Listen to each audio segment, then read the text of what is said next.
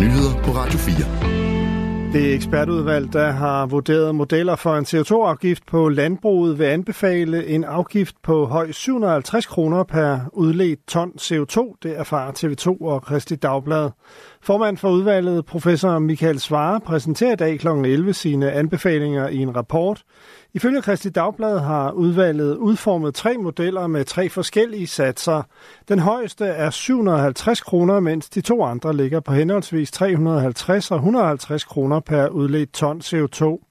I 2021 blev det besluttet, at landbruget skal reducere sin CO2-udledning med mellem 55 og 65 procent inden 2030.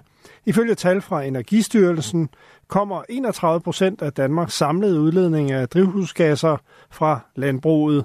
Miljøøkonomisk vismand Lars Gården Hansen siger til TV2, at en afgift på 750 kroner per ton vil kunne mærkes på CO2-udledningen. Jamen, det vil have en betydelig effekt, altså give et øh, kraftigt incitament til, at landbruget reducerer CO2-udledningerne. Landbruget er bekymret for, at en CO2-afgift kan føre til tab af arbejdspladser i landbruget, hvis produktionen flytter til udlandet. Men det vil ikke ske, og alternativet er værre, mener den miljøøkonomiske eller siger den miljøøkonomiske vismand til tv-stationen. Det er vigtigt at, at, at være, være klar på, at de bliver ikke sendt ud af landet. De bliver sendt til, til byerne i Danmark. Øh, og hvis man ikke får de relativt billige reduktioner, som ligger i landbruget, så skal det tages dyre reduktioner andre steder i samfundet. Og så kommer vi til at sende arbejdspladser ud af landet. Helt nye beregninger viser, at hovedstaden og kysterne nord og syd for København kan blive ramt af voldsom stormflod. Den netop offentliggjorte rapport fra Kystdirektoratet og DMI viser, at København og nabokommunerne i fremtiden kan blive ramt af en værre stormflod end hidtil ventet.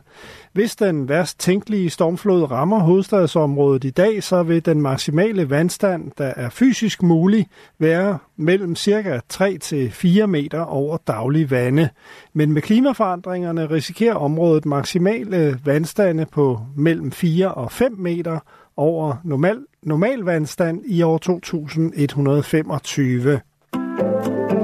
Rekorderne på arbejdsmarkedet fortsatte i december, hvor antallet af lønmodtagere endnu en gang steg. Her var 3 millioner 5.900 i arbejde, hvilket er 1.300 flere end måneden før, viser tal fra Danmarks Statistik. Statistikken omfatter både ansatte i det offentlige og i det private, og den er baseret på arbejdsgivernes indberetninger til skat.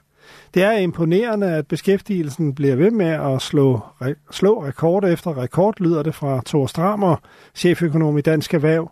Dagens stærke jobtal sætter en tyk streg under, at arbejdsmarkedet har været den helt store positive overraskelse i 2023, skriver han.